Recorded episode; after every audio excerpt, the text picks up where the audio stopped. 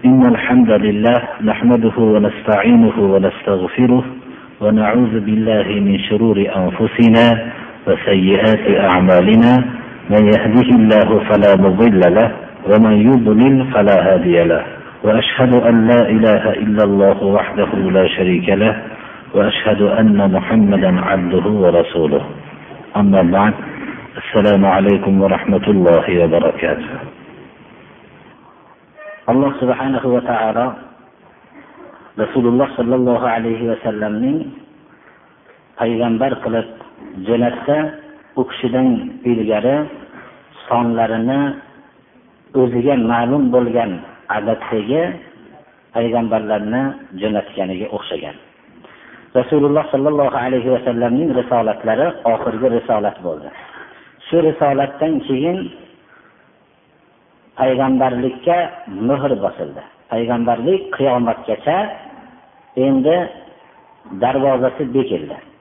Rasululloh sollallohu alayhi vasallamga nozil bo'lgan qur'oni karim qiyomatgacha biror harfiga putur yetmagan holatda alloh subhanahu va taolo o'zi saqlashlikka kafil bo'ldi. Shuning uchun biz islom va iymon masalalarini faqat rasululloh sollallohu alayhi vasallamning bayonlaridan olmoqligimiz zarurdir. Bu kishining bayonlari bizga kifoya qilmoqligi kerak. O'zimiz tarafimizdan biror bir shariat haqida modomiki ochiq nafs ibora qur'on va hadis asosi bo'lar ekan biz unga zid bo'ladigan bayon qilishlikka haqqimiz bo'lmasligi kerak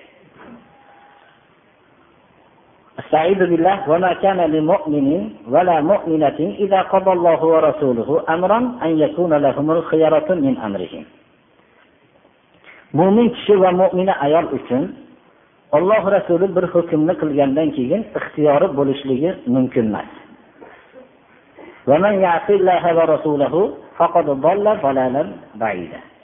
kim olloh rasuliga osiy bo'lsa ochiqdan ochiq yoinki uzoq haqiqatdan uzoq masofalarga borgan holatda olashishdi din ma'nosi ham shunday bo'lmoqligi kerak. Din nima?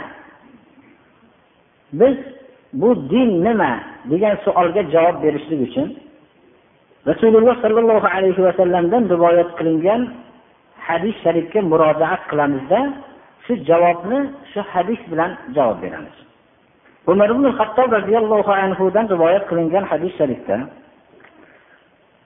قال بينما نحن جلوس عند رسول الله صلى الله عليه وسلم ذات يوم إذ طلع علينا رجل شديد بياض الثياب شديد سواد الشعر لا يرى عليه أثر السفر ولا يعرفه منا أحد حتى جلس إلى النبي صلى الله عليه وسلم فأسند ركبتيه إلى ركبتيه ووضع كفيه على فخذيه وقال يا محمد أخبرني عن الإسلام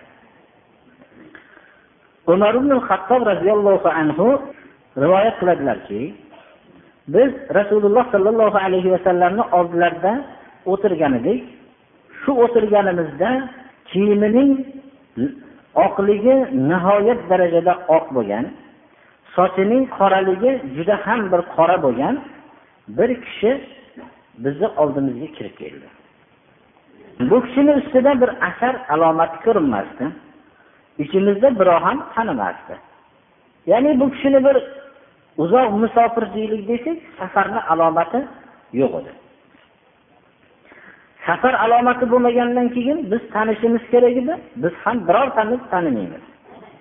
Nabiy sollallohu alayhi vasallamni oldilariga o'tirdilarda ikkita tizzalarini u kishini tizzalariga suyadi va ikkita qo'llarini sonlarini ustiga qo'ydi. Ya'ni o'zini odob o'tirishlik qoidasi bilan o'tirdilar. Va aytdilarki ya muhammad meni islomdan xabardor qiling dedi. Rasululloh sollallohu alayhi vasallam aytdilarki al islamu an tashhada an la ilaha illalloh va anna muhammadar rasululloh وتقيم الصلاة وتؤتي الزكاة وتصوم رمضان وتحج البيت إن استطعت إليه سبيلا قال صدقت فعجبنا له يسأله ويصدقه payg'ambarimiz sollallohu alayhi vasallam islom nima degan savolga javob berdilarki islom la ilaha illalloh muhammadur rasulullohga shahodat bermoqligingiz dedilar. Ya'ni la ilaha illalloh muhammadur rasulullohni aytishligingiz demadilar. Shahodat bermoqligingiz dedilar. Shohid deb guvohni aytamiz. Ya'ni la ilaha illalloh muhammadur rasululloh kalimasini guvohlik berishlikning ma'nosi nima bo'ladi. Bir odamning ichidagi adovatga rangining o'zgarishligi guvohlik beradi. Demak la ilaha illalloh kalimasi sig'iniladigan ma'bud yagona. Muhammad alayhissalom ollohning elchisi degan so'zimizga biz guvohlik bermoqligimiz kerak. Ya'ni guvohlik qilayotgan amalimiz gapirayotgan so'zlarimiz hammasi ollohning yagona ma'bud deb tan olishlikka dalolat qilishlik kerak. Ammo so'zimizda olloh yagona ma'bud deb la ilaha illalloh desaku qilayotgan amallarimiz shirk bo'lsa u ollohni yagona ma'bud ekanligini aytgan so'zimizga biz guvohlik bermagan bo'lamiz. Demak islom deganda biz tushunishimiz kerakki ibora nihoyatda daqiqki ollohning yagona ma'bud ekanligiga guvohlik berishligiz dedilar guvohlik bu isbot bo'lishligi kerak. Demak biz islom nima deganda ollohning yagona ma'bud sig'iniladigan yagona zot degan so'zimizga qilayotgan amallarimiz guvohlik berishligi kerak. Agar kimda kim o'zi bilan ollohni o'rtasida vosita qo'ygan bo'lsa la ilaha illalloh desayu bu so'ziga guvohlik beradigan amali buni aksi bo'lsa ya'ni olloh bilan o'zini o'rtasida vositalarga ibodat qilsa bu narsa guvohlik emas birodarlar. Ibodat deb atalgan narsalarni ollohdan boshqaga qiladigan bo'lsa bu la ilaha illalloh kalimasiga guvohlik bo'lmaydi birodarlar.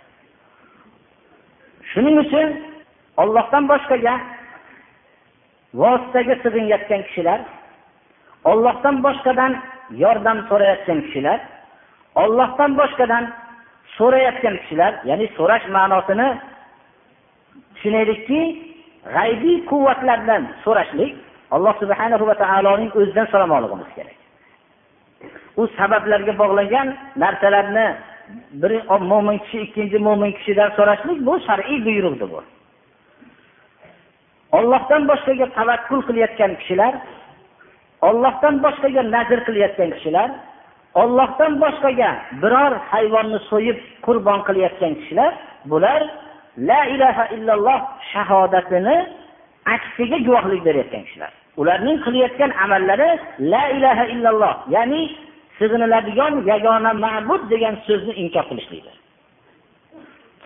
Muhammadu rasululloh kalimasi muhammad alayhissalom ollohni elchisi ya'ni ollohni elchisi u kishi amin omonatli kishi deb bilgan odam rasululloh sollallohu alayhi vasallam tarafidan bir so'z kelganda uni ollohning elchisi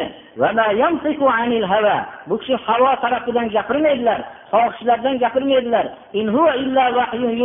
Bu kishiga gapirayotgan so'zlar olloh tarafidan vahiy qilingan so'zlar deb tan olishlik bunga guvohlik berishlik rasululloh sollallohu alayhi vasallam tarafidan bir hukm kelganda uni qabul qilmoqlikdir mana bu guvohlikning ma'nosidir birodarlar. Shuning uchun guvohlik degan ma'noni kengroq tushunishlikni o'zinglarga havola qilaman. Namozni barpo qilish. Namozni o'qishlikgina deyilmagan. Namozni o'qishlik islomga kifoya qilmaydi birodarlar. Namozni barpo qilish. Alloh subhanahu va taolo namoz o'qimaganlarga katta vaid bayon qilganga o'xshagan o'zining kalomida ahli jahannam suol qilar ekan. Ahli jahannamga suol qilinar ekanki jahannam posbonlaridan jahannamga sizlarni nima narsa olib keldi? Namoz o'qiguvchilar bo'lmabdi shuning uchun.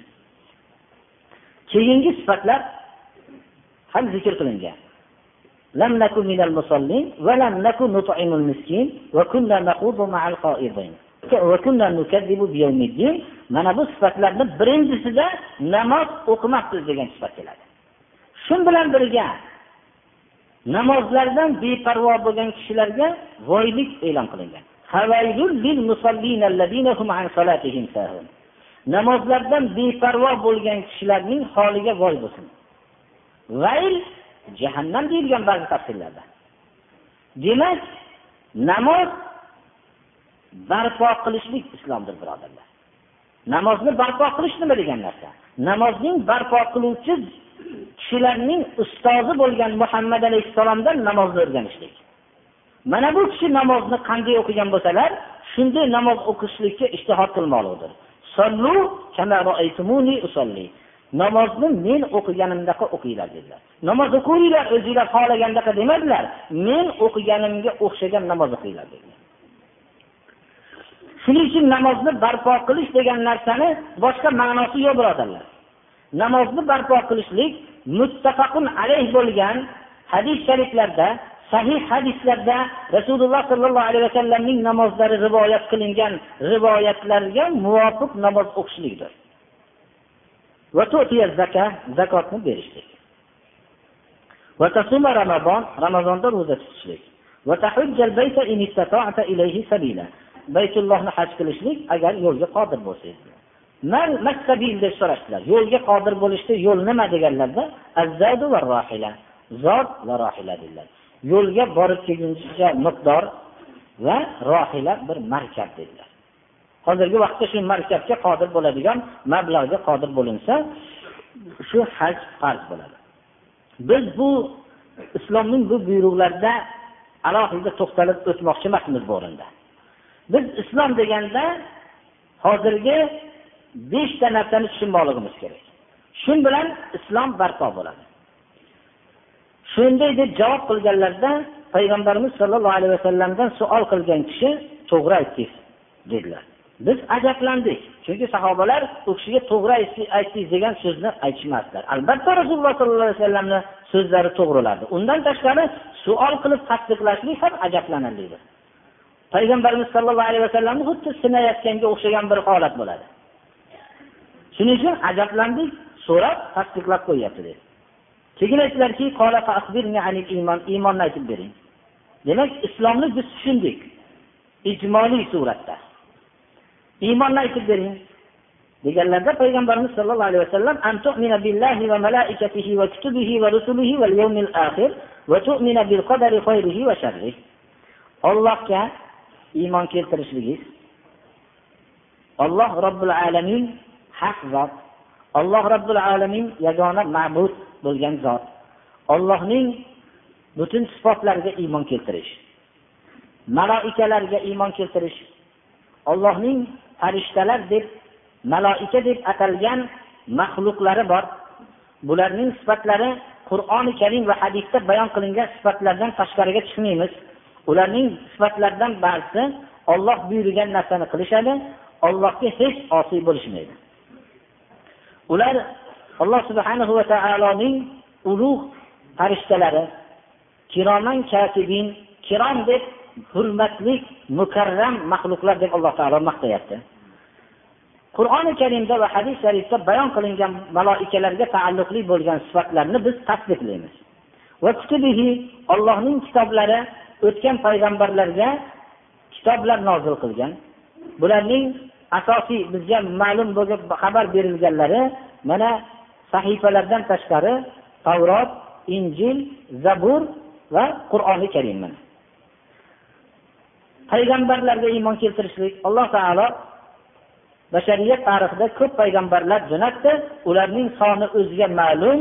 Bu payg'ambarlarni hammasini biz tasdiq qilamiz.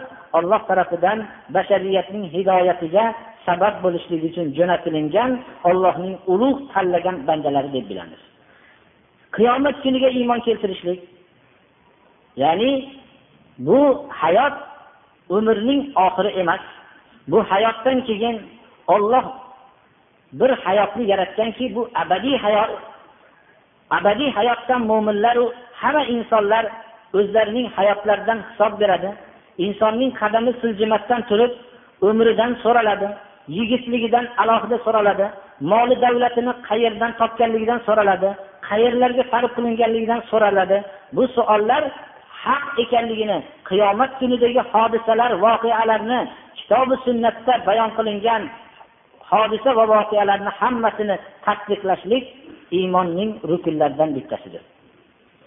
Va qadarga iymon keltirishlik qadar qadarning yaxshilik va yomonligiga alloh subhanahu va taolo hayotda yaxshilik va yomonlikni yaratdi. Va yaxshilik nima ekanligini yomonlik nima ekanligini insonga bildirib qo'ydi.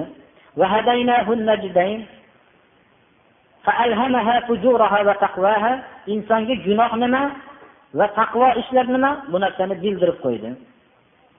Inson yaxshilik qilishlikka ma'mur bo'lgan yomonlik qilishlikdan qaytarilgan. Bu qadarga iymon keltirishlik iymon rukunlarining bittasidir. Hadis shariflarda qadarga iymon keltirmagan kishi uhud tog'icha oltinni bersa ham alloh subhanahu va taolo uning iymonini qabul qilmaydi. Modomiki qadarga iymon keltirmaguncha. Bu kishi sadoqda to'g'ri aytdingiz dedilarda yana savol qildilarki ehsonni bilan xabar bering ehson nima? Biz ko'proq ehson deganda birodarlar faqat bir iqtisod falsafasini iloh qilib olgan hayotda o'sganligimiz uchun hamma narsani iqtisodga qamlashlik natijasida ehson degan narsa ham yeydigan narsani berishlik shundan boshqa narsani tushunmay qoldik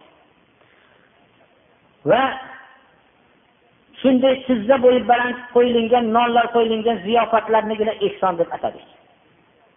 Ehson nima deb?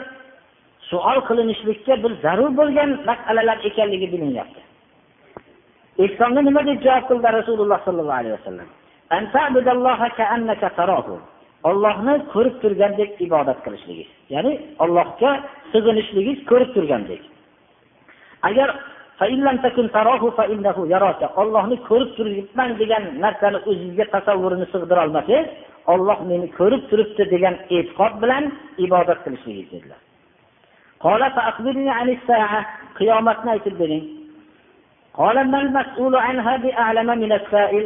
so'raluvchi so'rovchidan olimroq emas dedilar rasululloh sollallohu alayhi vasallam قال فأخبرني عن أماراتها قال أن تلد الأمة ربتها alomatlaridan xabardor qiling deganlarda cho'ri o'zining hojatini tug'ishligi alomatlaridan dedilar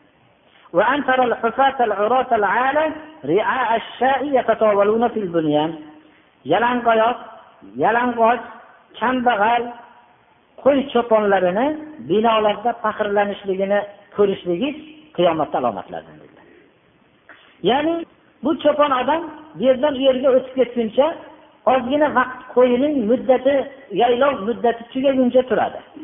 Shunday odamlarni ham shunday ozgina muddatga nihoyat darajada faxrlanadigan narsa qilishlik bu qiyomatni alomatlaridan dedilar sho'ri hojatini tug'ishlik hadisida ko'p kishilar ko'p ma'no berganlar. Shulardan bittasi sho'ri o'zining hojatini tug'ishlik degani bir davrlar keladiki qiyomat yaqinlashgan sari onalar farzandining ko'risiga o'xshagan xizmatkorga aylanib qoladi. Farzandlarni xizmatkoriga aylanib qolish davri vallohu alam kelib qolmadimikin deydigan. Tekshirib ko'rilsa aksar odamlar ota onasining tirikligiga xursand nima uchun? Uyni poylab turadigan odam borligi uchun. Yoyinki farzandini tarbiyaxonaga olib borib beradigan bir xizmatkor borligi uchun. Tarbiyaxona deymizmi yoki tarbiyasini buzadigan joy deymizmi bu o'zinglarga havola. Ana bu shuning uchun ota onasini borligiga xursand birodarlar. Demak ayol o'zining hojatini buyruq qiladigan hojatini tug'ib qo'ygan ekan. Mana bu narsa qiyomatni alomatlaridan dedilar keyin bu savol qilgan kishi ketdilar. Ozgina turdim deydilar umar ibn hattob roziyallohu anhu. Savol qilib ketgan kishi kimligini bilasizmi? dedilar. Allohu va rasuluhu alam. Ollohu rasuli biluvchiroq dedi.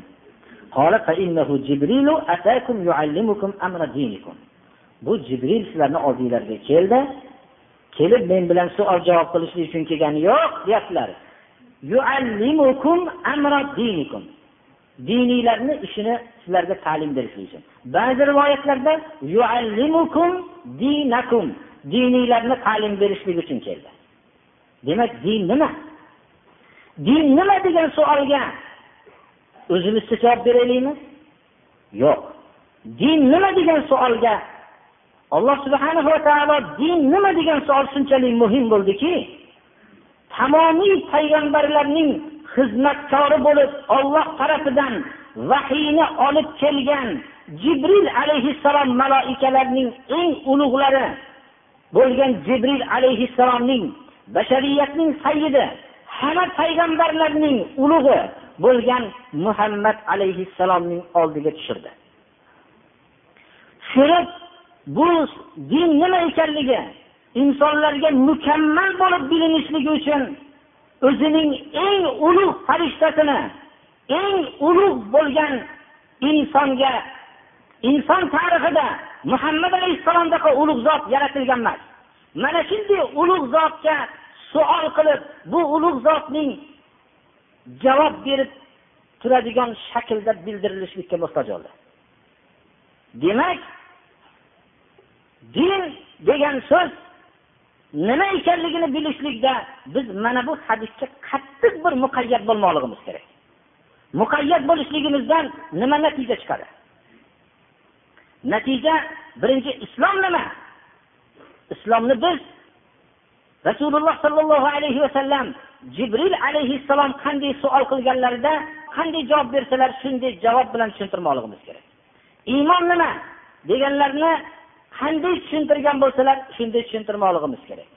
Va biz din deganda islom va iymonni o'zigagina cheklanishligimiz xatodir birodarlar. Din deganda biz ehsonni ham tushunmoqligimiz kerak.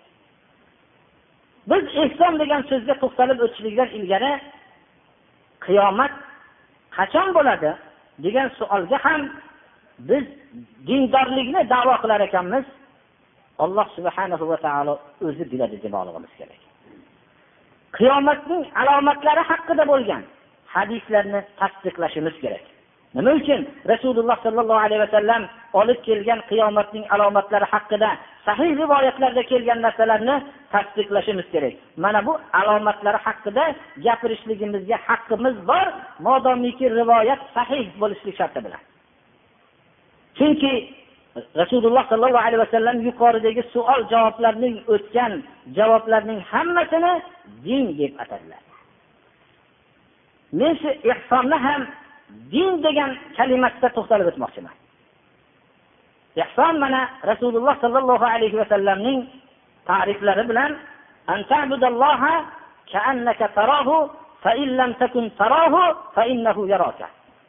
ollohni ko'rib turganingdek ibodat qilib sig'inishliging agar ollohni ko'rib turgandek e'tiqodni qalbingga jo qilolmasang olloh meni ko'rib turibdi degan e'tiqod bilan sig'inishliging dedilar. Demak muroqaba har bir amalda olloh ko'rib turibdi degan muroqabani bo'lishligi din ma'nolarining bittasidir birodarlar. Modomiki insonda mana shu sifat topilmas ekan din ma'nosi komil suratda mujassam bo'lmaydi. Alloh subhanahu va taolo o'zining kalomida xiyonatli ko'zlarni olloh bilib turadi. Qalblar bekitgan narsani bilib turadi. Rabbiz nazorat qiladigan o'rindadir. Mirsob bu nihoyat darajada daqiq nazorat qilib turiladigan o'rinni hatto kichkina bir harakatlarni ham kuzatib turadigan jihozlar bilan kuzatib turadigan o'rinni lug'aviy ma'nosidir alloh subhanahu va taolo hech qanday hech qanday jihozga muhtoj emas insonni daqiq suratda nazorat qilib turadi.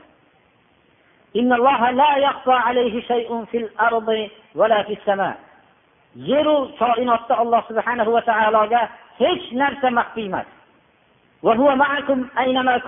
Alloh subhanahu va taolo sizlar bilan birga qayerda bo'lsanglar.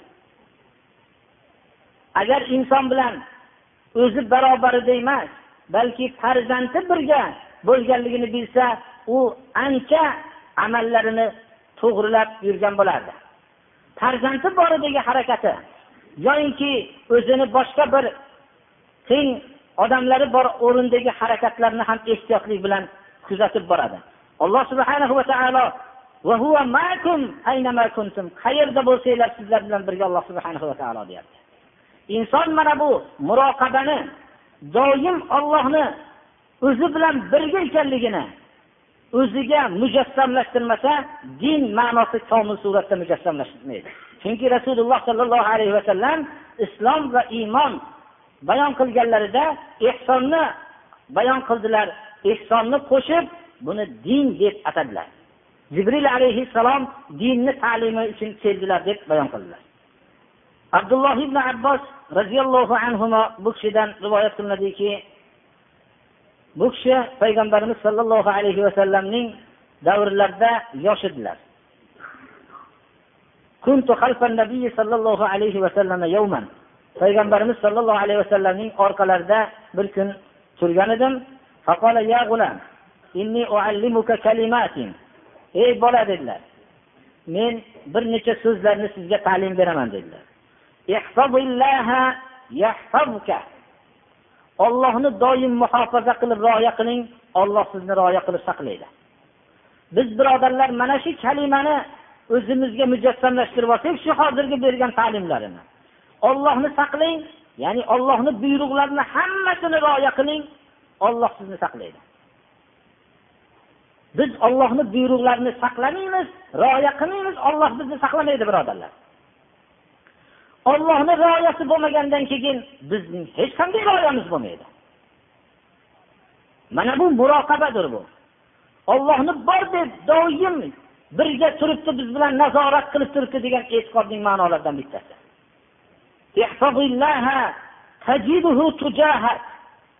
Ollohni rioya qiling har bir hukmlarni buyruqlarni rioya qiling qaytargan narsalardan qayting. Ollohni ro'baro'yingizda topasiz. Yo olloh deyishingiz bilan darrov sizga ro'baro'yingizda javob qiladi. Inson ollohni rioya qilgan vaqtida ollohni ro'baro'yingizda topasiz deb muhammad alayhissalom aytyaptilar. Biz birodarlar doim bir boshimizga musibat tushgandagina ollohni eslaymiz. Boshqa vaqtda ollohni esdan chiqaramiz. Shuning uchun ham boshimizga musibat tushganda faryodlar chekamiz. Alloh subhana va taolo bizni rioya qilmaydi.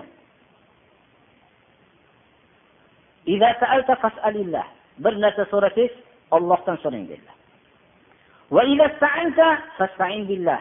Yordam madad so'rasangiz ollohdan madad so'rang.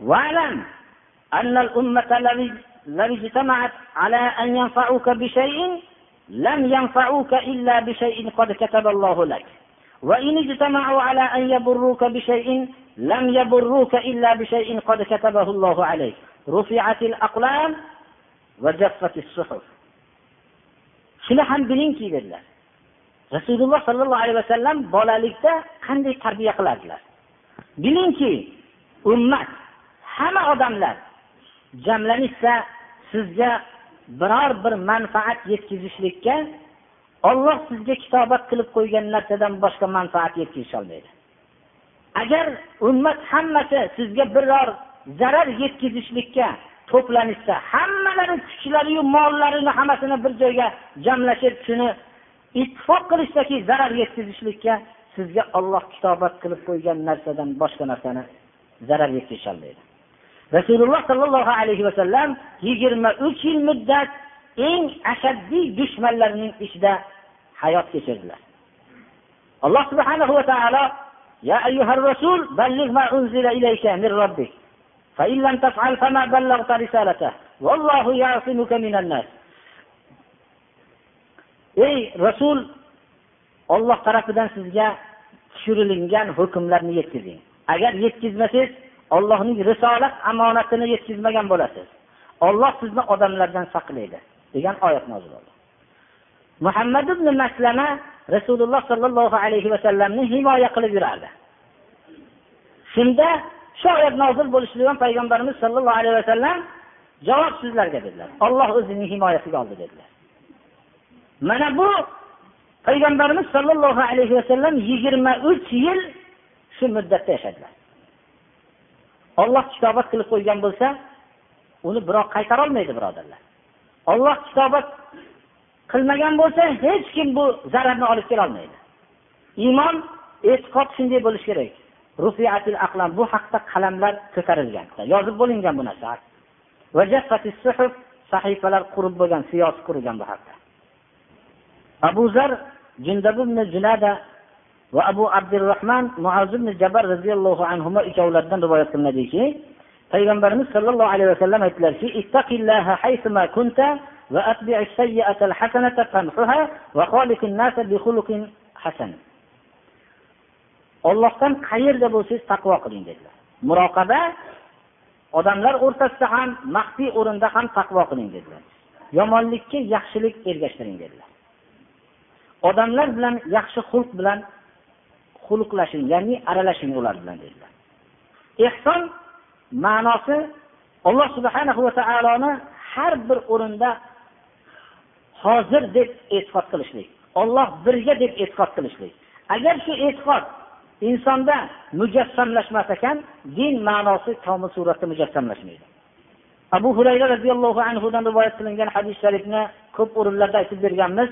Buni mazmuni bilan kifoyalanamiz. Banu isroildan bittalari badanida oq tushgan ikkinchisi bo'lsa sochi to'kilib ya'ni soch to'kilishligi o'zi emas balki dard bilan aralashgan holati o'zbek tilida kal deymiz. Ya'ni bu jirkan holat. Uchinchisi bo'lsa ko'zi amo bo'lib qolgan uch kishini rasululloh sollallohu alayhi vasallam xabar berib aytdilarki alloh subhanahu va taolo ularni imtihon qilishlikni xohladi va ularga bir farishtani jo'natdi. Badaniga oq tushgan odamni oldiga kelib senga eng suyumli narsa nima? deb savol qilganda menga badanim chiroyli bo'lib qolsa. Mendan shu odamlar jirkangan narsa ketsa dedi. Farishta tomonidan mash bo'ldida silab qo'yishligi bilan alloh subhanahu va taoloning madadi bilan bu zarar undan ketib jirkanch holati yo'qoldi. Chiroyli bir terilik bo'lib qoldi. Molning qaysinisi suyumli deganda tuya dedi. Ba'zi rivoyatlarda mol dedi. Alloh subhana va taolo unga bo'g'oz tuyalar berdi. Alloh taolo barakot ham berdi. Bu kalni oldiga kelib eng suyimli narsa nima? degan vaqtda chiroyli xotin bo'lsa shunda farishta tarafidan silab qo'ydida ollohni qudrati bilan buning jirkanch holati ketdi. Mollarning qaysinisi yaxshi degan vaqtda meni molim bo'lsa dedi. Alloh subhana va taoloning madadi bilan unga homila bo'g'oz mol berildi. Alloh taolo barakot ham berdi. Amoning oldiga kelib senga eng suyimli narsa nima? Deyilganda meni ko'zimni bir qaytarib bersang alloh subhana va taolo menga ko'zimni qaytarib bersa bir odamlarni ko'rsam odamzod nima uchun amo odam odamlarni ko'rishlikni orzu qiladi? Odamlarni ko'rgandan keyin odamlardan ko'ngli aylib ketadi birodarlar. Bu odamlarni nima uchun amo odam ko'rishlikni orzu qiladi? Chunki qayerda bo'lsa odamlardan amo kishi yomonlik ko'rmaydi birodarlar. Amo odamni ko'rish bilan darrov yetalab qo'ysam deydi. Va uni bir yaxshilik qilsam deydi. Shuni qarab bu odamlar nihoyatda bir yaxshi bir ajoyib bularni ko'rinishlari qanaqa ekan deb orzu qilsa kerak. Bu hayotdagi haqni aytganda qarshi chiqishlarni bularni hamma suratlarini o'zgarishlarini ko'rmaydi. Shuning uchun bir odamlarni ko'rsam dedi. Haqiqatda ham odamlarning yaxshisini bir ko'rishlikka inson orzu qiladi. Bu odamlar tinimsiz ozor beradigan shunday ekanligini ko'proq inson bilmaydi. Bu odamlarning o'rtasidagi bo'lib o'tayotgan narsalarni ko'rganda bu bir tomonlama maxfiy ne'matda yashayotganligini ham bilardi. Shuning uchun bir odamlarni ko'rsam alloh taolo menga ko'zimni bir qaytarsa dedi. Farishta tarafidan bir silash sodir bo'ldida alloh taolo ko'zini qaytarib berdi. Molni qaysinisi suyimli qo'y dedi. Unga bolalaydigan qo'y berildi. Tuyalar bola berdi. Barakotli bo'ldi. Mollar ham barakotli bo'ldi. Qo'ylar ham barakotli bo'ldi. Buni bir vodiy bir necha vodiy qo'y mol tuyalar vujudga keldi har biriga. Alloh subhana va taolo bularni imtihon qilgan edi. Badaniga oq tushib tuzalganning oldiga farishta o'zining oldingi holatida keldida men bir miskin odamman. Shu safarimda manzilga yetishlik mumkin bo'lmay qoldi. Endi alloh subhana va taolo madad bersagina yetaman. Keyin seni yordaming bilan yetaman. Shunday dedi. Senga chiroyli bir rang bergan moli davlatlar bergan zotni vosita qilib so'raymanki meni safarimda manzilimga yetadigan bir yordam bersang dedi. Desa javobiga nima dedi? E juda haqlar ko'p dedi. Bu mollar ko'p ko'rib turganing bilan hammasini o'rni bor bunaqa dedi. Shunda farishta aytdiki men seni taniganga o'xshayapman dedi. Sen odamlar jirkanib yurgan badaniga oq tushgan odam emasmiding? Olloh senga shu badaningni chiroyli qilib qo'ygan edi. Deganda e bu molni ajdodma ajdod meros qilib olingan bu mollar dedi.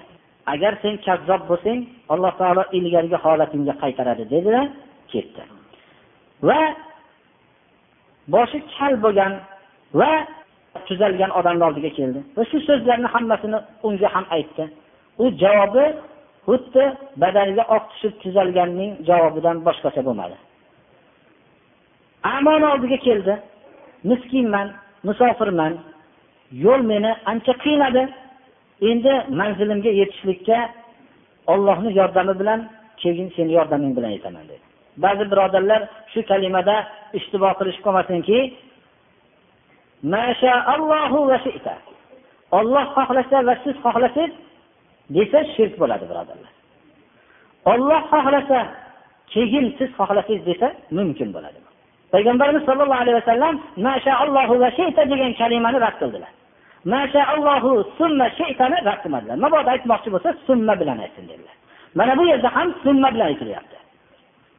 Ya'ni bilan ollohni yordami bilan keyin sizni yordamingiz bilan. Degan summa kalimasi bilan aytilyapti. Mabodo bu yerda ko'p daqiq darsni eshitayotgan kishilar bor shu narsani bir savol qilib qolishmasliklari uchun shu yerda to'xtalib o'tdi. Ko'zi tuzalgan amolga qarab aytdiki ko'zni qaytarib bergan zotni vosita qilib bir qo'ydan bersangizda shu safarimda manzilga yetib olsam. Amo aytdiki men bir amo edim. Alloh taolo ko'zimni menga qaytarib berdi. Kambag'al edim. Bu mol bu qo'ylarni hammasini olloh menga berdi. Xohlaganingni ol xohlaganingni qo'y dedi. Biror kun dedi men buni mehnat qilib buni topmadim dedi. Alloh taolo o'zi barakot bilan berdi dedi. Shunda aytdiki moling o'zingga bo'lsin sizlar imtihonlandinglar alloh subhana va taolo sendan rozi bo'ldi ikkita shariklaringga g'azab qildi. Dedi ya'ni bu hadis sharifni ehson insonni muroqabasi ko'proq muhtojlik vaqtida bo'ladi. Hatto dinga qarshi bo'layotgan odamlar ham muhtojlik kasallik vaqtlarida o'nglanib qoladi. Juda ko'p odamlarni ko'rasiz. Badaniga oq tushgandan keyin namoz boshlaydi. Juda ko'p odamlarni ko'rasiz. Qattiq bir dardga chalingandan keyin ibodat qila boshlaydi. Juda ko'p odamlarni ko'rasiz. Davlatman vaqtida ibodat qilmaydi. Davlatdan mahrum bo'lgandan keyin ibodat boshlaydi. U juda ko'p odamlar bilan ko'rasiz.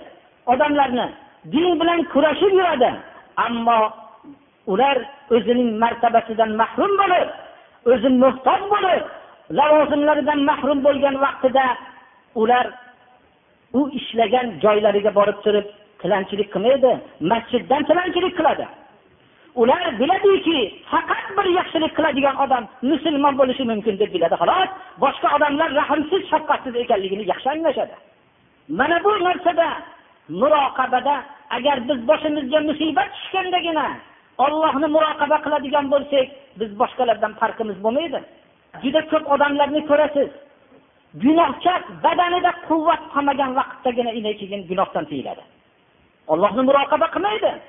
Juda ko'p odamlarni ko'rasiz mast qiluvchi ichimlikdan tiyilmaydi magar shuni ichsang o'lasan degan kunda tiyiladi unda ham qalbida bo'ladiki ichsam endi o'lmaydigan bo'ldimmikin deb yana ushlab turadi shuni.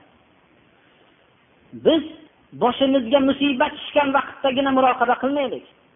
Inson hayotda ikkita imtihon bosqichini bosib o'tadi. Uning kuch quvvati bor vaqtlarda yoshlik vaqtlarda. Robbining ibodati bilan ulg'aygan yigit qizlar mana bular havas davrida ollohning ibodatini olloh nimaga buyurgan bo'lsa qilib olloh nimadan qaytargan bo'lsa qaytishlik mana bu ibodatni lazzati mana vaqtda bo'ladi birodarlar. Shuning uchun muroqaba dindir. Ollohni hozir doim bizni ko'rib turibdi degan e'tiqod dindir. Agar din ma'nosi bo'lmasa hayotimizdagi yo'nalishlar hammasiga putur yetadi. Shuning uchun men aytmoqchi emasman yoshi o'tgandan keyin ollohni yo'liga qaytgan odamlarni kamsitmoqchi emasman. Alloh muboraklik qilsin ularni. Ollohni huzuriga ketayotgan vaqtda haq yo'lga qaytganligi muborak bo'lsin odamlarga. Lekin bu narsa muroqaba faqat qarigan vaqtdagi muroqaba ham o'zida ixlos ko'rinsinki kuch quvvati qolmaganlikdan gunohdan tiyilishlik bilan ixlos bilan ollohni buyrug'idek qaytishlikning farqi bo'lmoqligi kerak. Juda ko'p sunnat amallarini ham tekshirib ko'radigan bo'lsak odamlar yigitlik davrida rasululloh sollallohu alayhi vasallamga ergashmaydi. Mana bu vaqtlarimizni zoya qilib qo'yamiz birodarlar. Bu vaqtlarda rasulining buyruqlari rasululloh sollallohu alayhi vasallamning sunnatlari qaysi ekanligini e'tibor bermoqligimiz kerak. Chunki biz islom degan nima ekanligini aytganimizda la ilaha illalloh muhammadu rasulullohga guvohlik berishlik deyapmiz. Muhammad alayhissalom ollohning elchisi bo'lsa bu kishi elchi bo'ladigan bo'lsalar bu kishi havodan gapirmasalar u kishi gapirgan so'z faqat vahiy bo'ladigan bo'lsa biz u kishining sunnatlariga ergashmoqligimiz kerak. Mana bu narsa birodarlar muroqabaning ma'nosini ba'zilaridir. Alloh subhanahu va taolo ko'rib turibdi bizni. Har bir amalimizni bilib turibdi. Amal qilayotgan vaqtimizda allohning muroqabatini hisobga oladigan bo'lsak hayotdagi muvozanatimiz o'nglanib qoladi birodarlar. Islom o'zining xilofatini hayotda qurishlikdan ilgari har bir kishining qalbiga qurdi. O'zi birinchi qalbida nazorat qiladigan islomiy xalifalik vujudga keldi. Mana bu qalbda har bir narsani insonning harakatini kuzatib turdi. Islomdagi jinoyatlarni jazosi qo'llanilgan vaqtlarni agar eslar ekanmiz shunda bilamizki qanchalik inson musulmonlarning qalbida bu muroqaba kuzatishlik qanchalik qattiq bo'lganligini. Rasululloh sollallohu alayhi vasallamning oldilariga islomni qabul qilgandan keyin zino amalini qilib qo'ygan kishilar va ayollar o'zlari kelishdilarki bu gunoh ishni men qildim deb. Ochiq oydin hozir shu jazosini ko'rishlikni xohlayman deb o'zlari aytishdilar. Hatto ularning birov bilmaydigan qalblardagi rasululloh sollallohu alayhi vasallamning huzurlaridan chiqib ketganda boshqacha bo'lib qolgan sahobalar kelib sizni oldingizda xuddi jannatni ko'rib turgandek jahannamni ko'rib turgandek turamizda sizni oldingizdan chiqqanimizdan keyin boshqacha bo'lib ketamiz. Munofiq oldim munofiqlikni jazosini menga ko'ring deb kelishdilar. Shuning uchun bu muroqaba ma'nosi butun dunyo mahrum bo'lgan ne'matdir birodarlar. Magar musulmonlargina bu ne'mat bilan ne'matlanishgan biror bir dunyoning yo'lida yo'qki olloh ko'rib turibdi deb biror gunohdan tiyishlik yo'q. Tiyilishlik yo'q. Magar jazoning qattiqligidan tiyiladi xolos. Bu ne'matni biz mana shu ne'mat bilan farqli bo'lmoqligimiz kerak. Shu ne'mat bilan rasululloh sollallohu alayhi vasallam shu muroqaba ehson ya'ni o'zlarining istilohlari bilan aytganimizda ehsonning har bir kishining qalbiga buni din deb olib kirdilar. Ya'ni din degan ma'no agar bu ehson insondagi ixlos sifati mujassamlashmasa u dini mukammal bo'lmaydi degan ma'noni joylay oldilar. Shundan keyin musulmonlar dunyosi shunday bir holatga aylandiki biror bir ularni nazoratlarini kuchaytirishlikka hojat bo'lmadi. Chunki ularning nazoratlari qalbda o'rnashgan edi.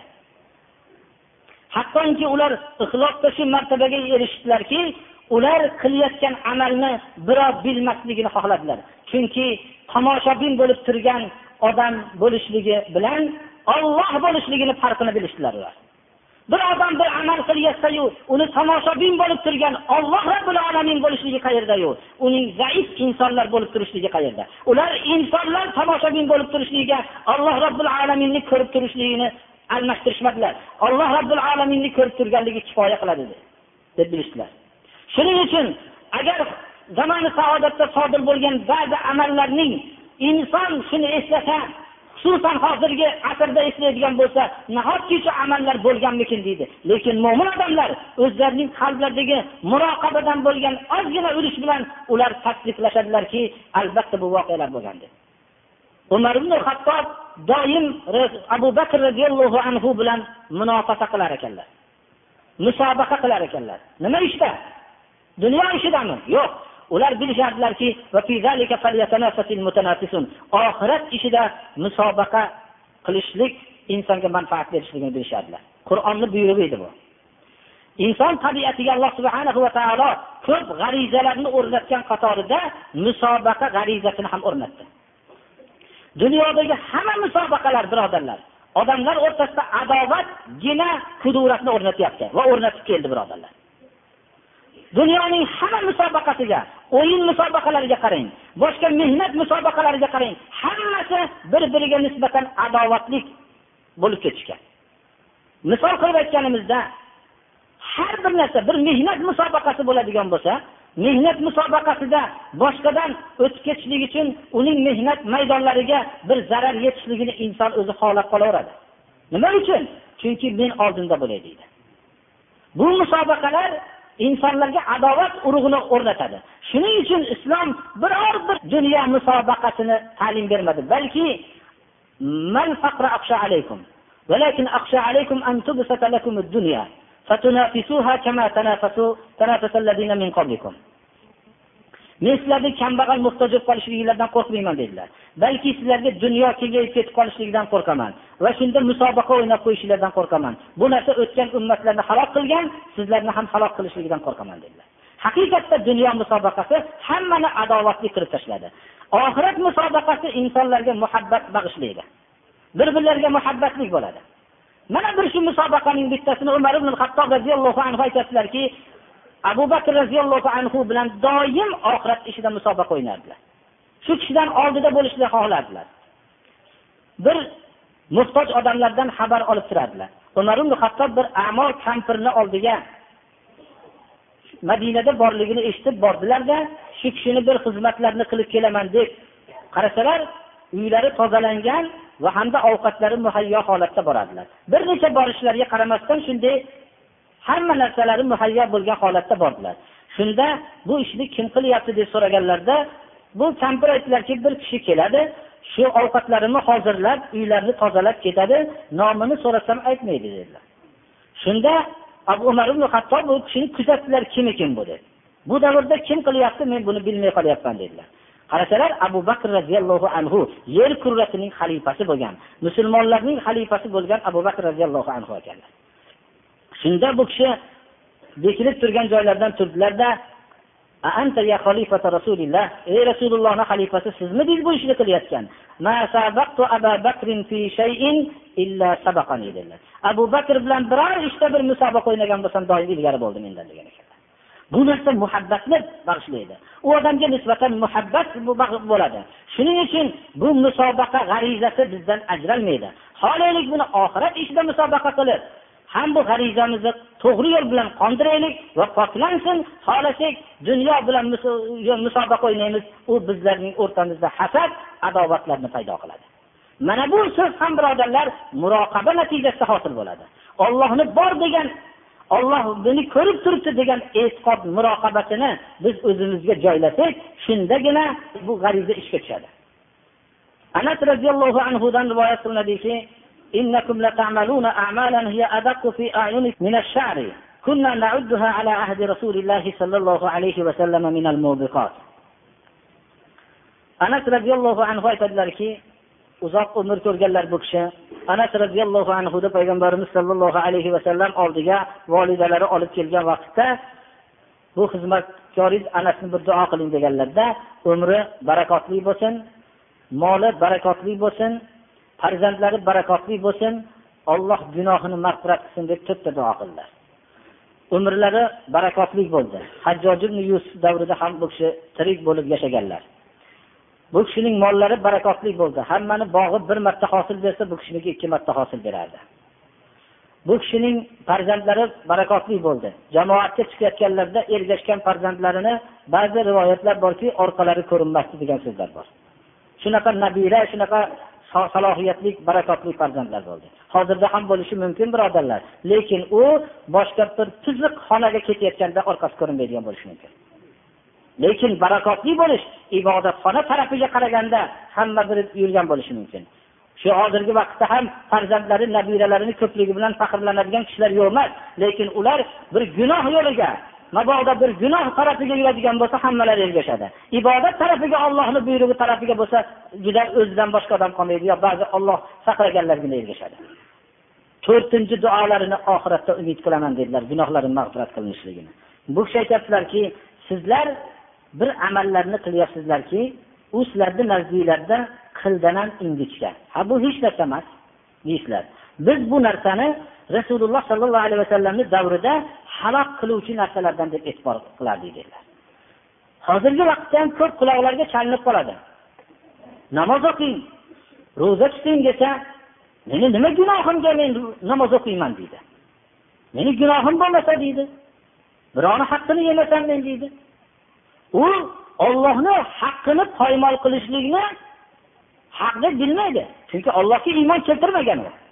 bu shunday hozirgi vaqtda ham ko'p insonlardan bir savol qilinsa ancha gunohlarni gunoh emas deydi. Sizlar qildan ham sizlarni ko'zinglarga ingichka bo'lib kelgan amallar bor. Bu narsalarni biz halok qiluvchi narsalardan deb sanardik deyaptilar rasululloh e, sollallohu alayhi vasallamning sahobalarining ulug'laridan anas roziyallohu anhu. Hozirgi vaqtda ham juda ko'p rasululloh sollallohu alayhi vasallam buyurgan va muvozabat qilgan sunnatlarni hech narsa emas deb sanayotgan odamlar bor. Rasululloh sollallohu alayhi vasallam xushbo'y narsani yaxshi ko'rganlar va muvozabat qilganlar bu narsada. Bu narsalarni hech narsa emas deyishdi bo'lsa ham u ozroq bu narsa bo'lgan bo'lardi. Lekin u balki sassiq narsalarni ham hech narsa emas deydiganlar masalan hozir kashandalik hech narsa emas deydigan kishilar bor birodarlar. Anas roziyallohu anhuning so'zlari u juda ilgari aytilingan narsa. Agar shu kishi shu narsani ko'rgan bo'lganlarida bu qildan ham ingichka bo'lgan narsa bo'lyapti sizlarda degan so'zlari u boshqa bir amallar bo'lgan. Rasululloh sollallohu alayhi vasallamning hayotlarida muvozabat qilgan narsalar emas goho bir qilgan amallari bo'lsa kerak allohu alam. Shu narsalarga e'tibor bermayotganliklariga qattiq gapirgan bo'lsalar kerak. Payg'ambarimiz sollallohu alayhi vasallam buyurgan narsalar bu nihoyatda birodarlar bunga biz qarama qarshilik qilishlikka hech haqqimiz yo'q bu narsaga. Modomiki muhammadu rasululloh deb iymon keltirgan bo'lsak shuning uchun rasululloh sollallohu alayhi vasallamni mana bu hadis sharifdagi ehson haqidagi so'zlarini qalbimizga jo qilmoqligimiz kerak. Ehson xohlasak qiladigan xohlasak qilmaydigan narsa mizojiy masala bo'lmasligi kerak. Ehsonni din dedilar. Ehson ollohni ko'rib turgandek sig'inmoqlik yo olloh ko'rib turibdi degandek e'tiqod bilan sig'inishlikdir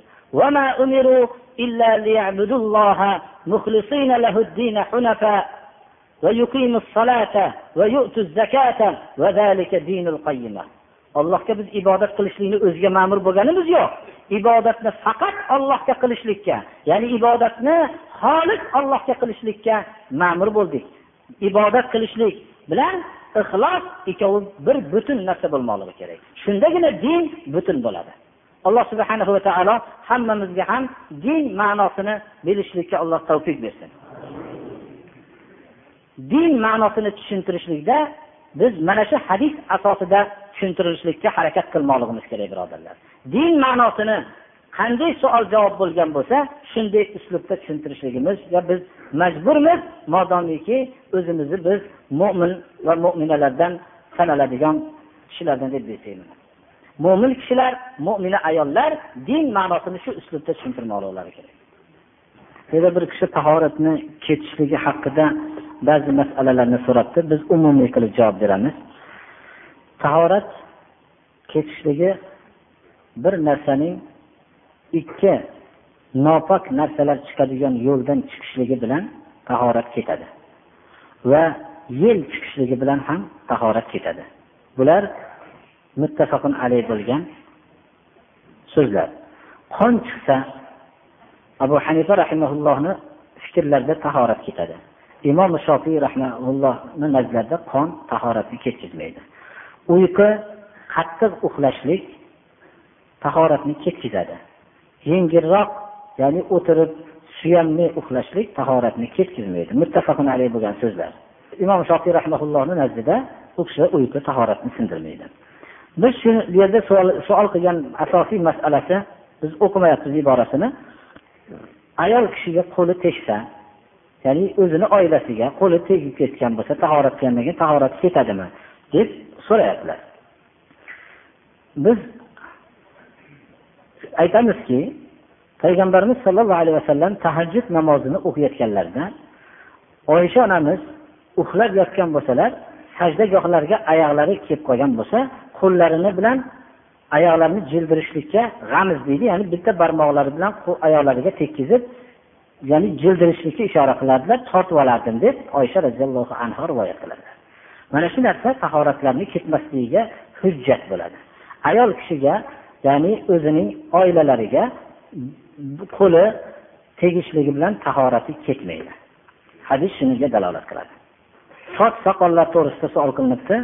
Ya'ni kimni soch soqoli bor bo'lgan kishilar buni hurmatlasinki ya'ni yuvib tozalab xushbo'ylab yursin deganlar bu degan so'z uni xohlagan yo'lga olib yursin degani emas. Ya'ni buni pokizalab yuvib xushbo'y qilib yursin degan. Endi bu yerda bir kishi so'rabdilarki darslarda bir safar qilishlik haqida ham safarni fazilatidan aytib bering debdilar endi agar safarni safarlarimiz juda susayib ozayib ketyapti debdilar agar safardan murod tijorat safari bo'lsa nihoyatda ko'payib ketyapti. U mabodo boshqa bir uxraviy sabab bir odamlarni ta'lim berishlik uchun bo'lsa haqiqatda bu o'zi bunga qalbiga ollohni hozir nozir deb o'rnatgan odamlargina birovlarni ta'lim berishlik uchun qalbida hidoyatda bo'lmagan odamlarni ko'rib qalbi ezilsa shu odamlarnigina o'zi qalbidan o'zi qo'zg'almasa birovni gapi bilan ta'sirlanmaydi birodar. Bu yerda bir kishi suvayda yaqib yuborishlik to'g'risida masala so'rayapti. Uni yaqib yuborishlikka hojati yo'q suvayda egalari hozir nihoyatda ko'payib ketgan birodarlar nihoyatda ilgari ozroq bo'lsa ham hozir shu juda musulmonlarni mahallalariga borsanglar ham bu suvayga xabar ko'payib ketgan juda qur'on suralari bilan dam solish to'g'risida so'rabdilar. Biz bu haqda ko'p gapirganmiz birodarlar inson masalan yotayotgan vaqtida surai alaq bilan surai falaq ikkovini o'qib o'ziga dam solib surai fotihani o'qib dam solib turishligi bu albatta bu sunnatga xilof amallardan emas bor amallardan oshiqni yopib turadigan masliga mast tortsa bo'ladimi dedilar. Albatta oshiqni yopib turadigan masliga mast tortsa bo'ladi. Bu yerda birodarlar ko'p narsani javob berganmiz yana so'rabdilar. Bu chilla degan savollar debdilar. Chilla fors tilidagi so'z olib qirq degani. Bu masalan kelin kuyovlar degan to'g'risida chilla chaqaloq chilla shuni so'zlarni aytibdilar. Ya'ni o'zi asli ribot degan payg'ambarimiz sollallohu alayhi vasallam ollohni yo'lida o'zini bog'lab ya'ni ollohni yo'liga xizmat qilaman deb turgan odamni jihodda o'ttiz kun bo'lganlarida qancha bo'lding deganlarida o'ttiz kun deganlarida o'n kun qo'shib qo'ygin dedilar qirq kun shunda bo'ldilar. Shu narsani ko'p odamlar asosi shuki shu narsani hujjat qilishib qirq kun narsada bir odam kamol topadi deydi. Bolani tug'ilgandan qirq kundan keyin endi u onani qornidan tug'ilgandan keyin havodagi shabada va boshqa narsalarga o'rgandi endi sal chiniqdi degan ma'noda qiladi. Bu narsa ehtiyot qilishlik buni domlalardan so'rash kerak emas buni tabiblardan so'rash kerak o'zi aslida. Chunki tabiblik holati ba'zida chil o'tirishi ham kerak bo'lib qoladi bolani.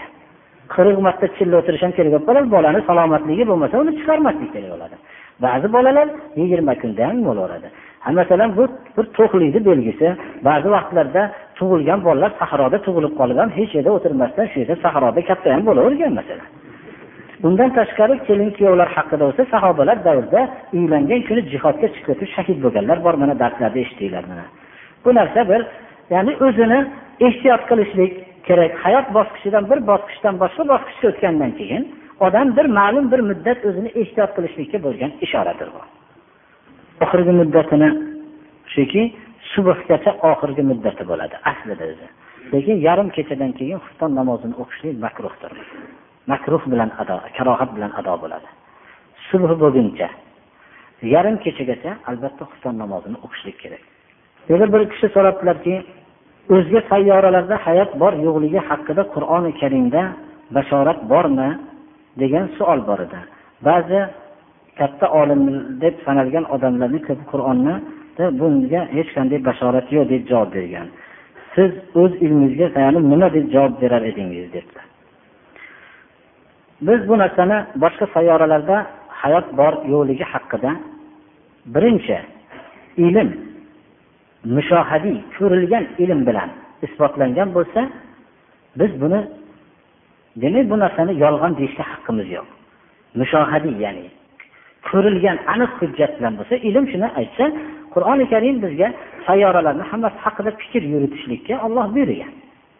Lekin qur'ondan mabodo boshqa sayyoralarda hayot bor yo'qligi bayon qilinmagan bo'lsa bunga ajab yo'q. Chunki qur'on bizga falak ilmi bo'lib kelgan emas qur'oni karim bizga hayotdagi qanday yashasak dunyo va oxirat saodatiga erishishimizni ko'rsatishlik muqaddas ilohiy kitob ekanligini esdan chiqarmasligimiz kerak. Falakiyot ilmidan yo tabobat ilmidagi bir narsani biz kitob qur'ondan yo hadisdan topolmasak ajablanmasligimiz kerak. Payg'ambarimiz sollallohu alayhi vasallam tabobat ilmini rivojlantirish uchun payg'ambar bo'lgan emas yoinki falak ilmini rivojlantirish uchun payg'ambar bo'lgan emas. Bu bir oddiy narsa bu payg'ambarlar vazifasi buyuk narsa bu juda. Lekin qur'oni karimda ishoralar bor. Shulardan bittasini aytamiz. ومن آياته خلق السماوات والأرض وما بث فيهما من دابة وهو على جمعهم إذا يشاء قدير ollohning yakkaligiga dalolat qiluvchi alomatlardandir koinot yerni yaratilishligi va koinot yerdagi tirik tarqatgan tirik mavjudotning yaratilishligi dobba arab tilida tirik mavjudot bu Ho bu insonmi boshqami biz u narsani demaymiz dobba jonlik mavjudotni aytamiz. Fihimo zamiri samovat va arzga boryapti. Koinot va yerda o'zi bassa tarqatgan dobbalarni. Demak koinoti yerda alloh subhana va taolo o'zi yaratgan dobbalar borligiga ishora bo'lyapti. Va shu bilan birga jamihim zamiri hamma tirik mavjudotlarga boryapti shu dobbaga dobba kalimasi dalolat qilib turibdi. Olloh ularni jamlashlikka o'zi xohlagan soatda qodir deyapti ya'ni yerdagi yer alohida zikr qilinyapti. Samovat bir tarafda nima uchun yerni qur'oni karimda alohida zikr qilinadi? Yer bu yerda o'zining xalifasi inson yashaydi. Shuning uchun mo'tabardir. Agarki boshqa sayyoralardan kichikroq bo'lsa ham. Bu boshqa samovat bir tarafda. Demak yerdagi tiriklar bilan boshqa koinotdagi tiriklarni jamlashlikka o'zi xohlagan soatda qodirdir deyapti. Hozirgi masalan ba'zi tirik insonlarni boshqa sayyoralarga chiqib yerdagi tirik mavjudotlar uchrashligi mana shu oyat vallohu alam dalolat qilsa kerak. Biz ko'proq keltirishimiz mumkin lekin bu yer hozir shu bu yerda talab qilingan ekan faqat bittani keltirdik shuni masjidlarda qissa haqida yaxshi emas ekanligini bir bayon qilgan edingiz. Shu qissalarda hammasimi yo ba'zisimi deyaptilar. Payg'ambarimiz sollallohu alayhi vasallam haddisu an bani isroila vala haraj. Banu isroildan gapiringlar ularni haqida o'tgan qissalar shulardan gapiringlar uni haraji yo'q dedilar. Payg'ambarimiz sollallohu alayhi vasallam o'zlari gapirdilar. Mana bu bugungi o'qigan qissa ham payg'ambarimiz sollallohu alayhi vasallam banu isroil tarixida o'tgan qissalardandir. Banu isroildan gapiringlar dedilar. Unda haraj yo'q dedilar. Lekin payg'ambar yo sollallohu alayhi vasallam yo sahobalar gapirmagan qissalarni aytishlik bu yaxshi emas birodarlar. Biror bir tamsil bilan bir haqiqatni tushuntirishlik bo'lsa bu boshqa gap. Kun chiqish vaqtida namoz qazo bo'ladi birodarlar. Kun chiqish vaqtini tayin qilib turib shu kun chiqqan vaqtida namoz qazo bo'ladi. Bu yerda bir hadisni tushuntirib bersangiz debdilar hadis o'zi yozilgan nimasi shuki nubuvvat payg'ambarlikdan keyin mubashshirat qoldi dedilar. Boshqa narsa qolmadi dedilar. Ya'ni payg'ambarlik mendan keyin to'xtaydi dedi. Mubashshirot qoldi. Mubashshirot ya'ni bashorat beruvchi narsalar. Bashorat beruvchi narsalar nima deganlarda? Ya'ni solih tushlar dedilar. Tushlar mo'min odamni bir olloh tarafidan ilhomki ba'zi narsalarni o'ziga ilhom qilib turadi. Bu solih tushlar unaqa vasvas tushlar emas shu solih tushlar bilan birovga hujjat olmaydi. O'ziga nisbatan ba'zi bir ilhom bo'ladi. Birov masalan to'ng'iz go'shtini tushida yeyotgan bo'lsa shunda men ko'rdim to'ng'iz go'shtini yeyotganingni yeyaver sen deyishga haqqi yo'q. Tush hujjat bo'lmaydi birodarlar lekin o'ziga bir tush ko'radigan bo'lsa yaxshi tushlar ko'rsa ba'zi narsalarni bir ilhomidir u narsa. Bu mubashshirot degan narsa bu. Kalima boshqa yozilgan bashoratli holat demaganlar. Ya'ni valam yabqa minan nubuwati illa illa mubashshirat deganlar qolu ya rasululloh amal mubashshirat mubashshirotlar nima deganlarda solih tushlar deb javob berganlar duo qilamiz allohumma solli ala sayyidina muhammad va ala alihi va sahbihi vasallam alloh subhanahu va taolo haq yo'lda barqaror qilsin notob bo'lgan odamlarga alloh shifo bersin alloh subhanahu va taolo birinchi kelganlarni sobit qadam qilsin alloh subhanahu va taolo bu din islomni haqiqatini bilib shu yo'lda barqaror bo'lib shu yo'lda xizmat qilishlikka alloh tavfiq bersin. Alloh subhanahu va taolo ilm o'qiyotganlarga alloh taolo ilmlariga rivoj bersin amal qiladigan ilmlarni bersin. Hammamizni ham gunohlarimizni mag'firat qilsin ibodatlarimizni alloh qabul qilsin. Alloh subhanahu va taolo shu darsimizni davomiy qilsin sallallohu taala ala Muhammadi va alihi va